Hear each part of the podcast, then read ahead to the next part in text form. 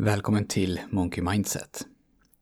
För några år sedan så kollade min äldste son och jag igenom alla avsnitt av Seinfeld tillsammans. Några säsonger in så sa han, Tur heter han, att nu vet jag var du har fått alla dina skämt ifrån, pappa. Om du skulle börja läsa James Clears blogg, han finns på jamesclear.com, så skulle du kanske känna någonting liknande. Nu vet jag var Daniel får en stor del av sitt material ifrån. Idag så tänkte jag prata om vanor och speciellt så tänkte jag ta upp en bok om vanor som är ganska nyutkommen. Den kom i oktober 2018. Boken heter Atomic Habits och den är skriven av just James Clear. Och det är den bästa boken om vanor hittills. En annan bok som heter The Power of Habit, Vanans makt på svenska. Den är skriven av Charles Duhigg och är också väldigt bra. Fram till Atomic Habits så var nog det den bästa. Och Atomic Habits liknar i många, på många sätt eh, Vanans makt. Men den har tagit godbitarna ur Vanans makt och förfinat den och gjort det tydligare och enklare att applicera. Som du kanske kommer ihåg så består en vana traditionellt sett av tre delar. En trigger, en respons och en belöning. Triggern, det är som en påminnelse, det är det som sätter igång vanan. Responsen, det är ju beteendet, alltså själva vanan i sig. Och belöningen är det som gör att hjärnan associerar det här beteendet med någonting bra. Det behöver inte vara någonting som är bra för oss. Det behöver alltså inte leda till hälsosamma eller bra saker, men hjärnan behöver se det så. Så kanske tar det här beteendet bort oro eller sötsug eller någonting liknande. Och eftersom hjärnan då tycker att det är bra så kommer hjärnan att vilja utföra samma beteende nästa gång den upplever samma trigger för den vill ha belöningen. Och på så sätt förstärks en vana varje gång man utför den här vanelopen. Eh, trigger, respons, belöning. Det blir som en stig som blir tydligare och tydligare ju mer man går den. Och på samma sätt så blir koppling, kopplingarna i hjärnan starkare och starkare ju fler gånger loopen genomförs. Generellt sett så kan man säga att det här sättet att fungera kan ställa till det för oss moderna människor. Och det beror framförallt på belöningsdelen. För ju mer omedelbar en belöning är, desto bättre är den för att kunna skapa en vana, desto lättare är det för hjärnan att se sambanden mellan trigger, respons och belöning.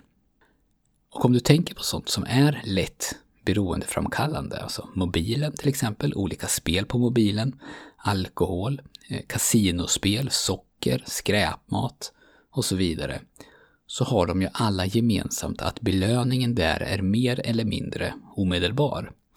Både bingo och stryktips till exempel är ju rent formellt spel och dobbel. Men när det gäller stryktipset så tar det timmar om inte dagar från det att du har spelat tills det att du får reda på hur det har gått. Belöningen där är alltså inte omedelbar. I bingo däremot så kommer belöningen mycket snabbare, så det är större risk att bli beroende av bingo än vad det är att bli beroende av stryktipset. Och belöningen här, så som hjärnan ser det, det är inte att vinna, utan att få veta om jag vinner eller förlorar. Att bara att få veta är alltså det viktiga i det här sammanhanget. Så dåliga vanor, generellt sett, har en tendens att ha ett beteende som är väldigt enkelt att utföra och en belöning som är mer eller mindre omedelbar. Medan goda vanor, alltså beteenden som vi vill införa i våra liv, oftast har belöningar som är allt annat än omedelbara. Vi gör någonting nu som ofta är krävande för att få någonting bra i framtiden. Vad James Clear bland annat har gjort bra i sin bok, det är att han har lagt till en del till den här vanelopen. Och det är craving, som han kallar det. Alltså begär. Och den delen kommer efter triggern, men före eh, responsen. Så James Clears vaneloop ser alltså ut så här. Trigger, begär, respons och belöning. Så enligt honom så händer någonting, triggern, och sen känner vi begär, del 2. Vilket hjälper till att utföra beteendet, del 3. Och så kommer belöningen, del 4. Och han har också skapat enkla regler för de här fyra delarna. Och jag tänkte gå igenom de reglerna här för de är faktiskt ganska bra att hålla koll på. Regeln för triggern, alltså det som sätter igång vanan, är Gör den uppenbar. När triggern inträffar så ska det vara supertydligt att vanan ska utföras. Om du har någonting som du vill göra varje dag så är ju till exempel ett, ett alarm en supertydlig trigger. Klockan 07.30 plingar din mobil och då sätter du dig och skriver dagbok i fem minuter till exempel om det är den vanan du vill skapa. Eller så kanske du dricker kaffe varje morgon. Så när du har gjort dig en kopp så skriver du dagbok. Att dricka den första koppen kaffe blir då din trigger. Och du ser till att göra den här triggern ännu tydligare genom att till exempel lägga dagboken på kaffebryggaren så att du ser den i anslutning till att du gör ditt kaffe. Att göra så här, att ha en tydlig trigger, en uppenbar trigger, gör att du har mycket större chans att lyckas än om du till exempel bara skulle säga till dig själv att jag ska skriva dagbok varje morgon och inte specificera tydligare än så. Precis samma beteende, men när triggern är tydlig har du mycket större chans att lyckas. Del 2, det som Clear då har lagt till själv jämfört med den klassiska vanelopen, begär. Där lyder hans regel Gör det attraktivt. Beteendet du ska utföra ska alltså vara attraktivt för dig. Vilket ju är logiskt och ju mer attraktivt du kan göra det, desto bättre.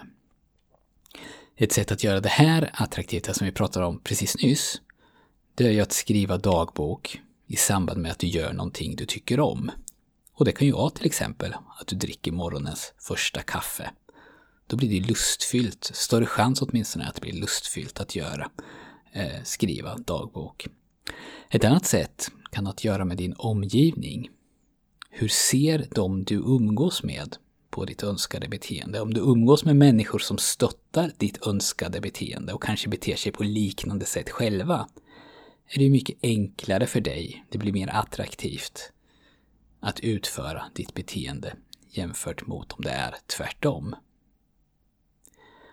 För beteendet, alltså vanan i sig, responsen, så är James Clears regel gör det enkelt. Och de här reglerna som du hör, de är ju inte revolutionerande på något sätt. Jag till exempel tjatar hela tiden om att starta smått när du vill börja bygga beteenden. Men att göra någonting regelbundet, oavsett hur lite du gör, är väldigt viktigt om du vill skapa någon form av automatik, vilket ju syftet med en vana är. Du vill att det här beteendet ska ske mer automatiskt än vad det gör idag. Så du trampar upp den här stigen, alltså du ser till att kopplingarna i hjärnan blir starkare. Och det gör du med repetition. Och då krävs ju att du gör det. Och ju enklare att göra, desto större chans att det blir gjort. Regeln för vanelopens sista del, belöning, lyder så här. Gör det tillfredsställande. Och här kommer jag tillbaka till det som jag pratade om nyss, att en omedelbar belöning kan vara jätteviktig för att skapa en vana. Se bara vad det gör för våra ovanor. Evolutionärt så har vi utvecklats mot att prioritera belöningar som är omedelbara över belöningar som inte är omedelbara. Så trots att vi till exempel vet självklart att rökning kan förkorta våra liv, så röker vi cigaretten ändå. För att belöningen vi upplever just nu är mer värd för oss än belöning som kommer någonstans långt fram i framtiden. Så här krävs lite kreativitet. Hur kan vi belöna oss omedelbart för ett beteende som egentligen inte ger en belöning förrän på sikt? Och här så vill jag Eh, gå emot James Clear lite. Han skriver att man inte ska använda belöningar som går emot den identitet som du vill skapa. Hans exempel är att man inte ska ge sig själv en glassig belöning när man har motionerat. För motion, det betyder ju att man vill bygga en hälsosam identitet. Medan glass då betyder en ohälsosam identitet. Det krockar där. Han skriver att det då är bättre att unna dig själv en massage till exempel. Och det kan nog stämma i och för sig att det är bättre med massage än glass. Men problemet är att du helst ju ska belöna dig själv omedelbart efter du har utfört beteendet.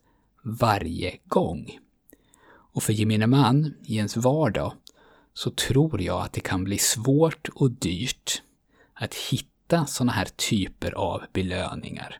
Alltså som typ massage eller att köpa sig en snygg jacka eller någonting sånt. För de behöver ju som sagt komma varje gång, precis på samma sätt som till exempel mobilspel som Candy Crush ger dig små dopaminkickar gång på gång på gång.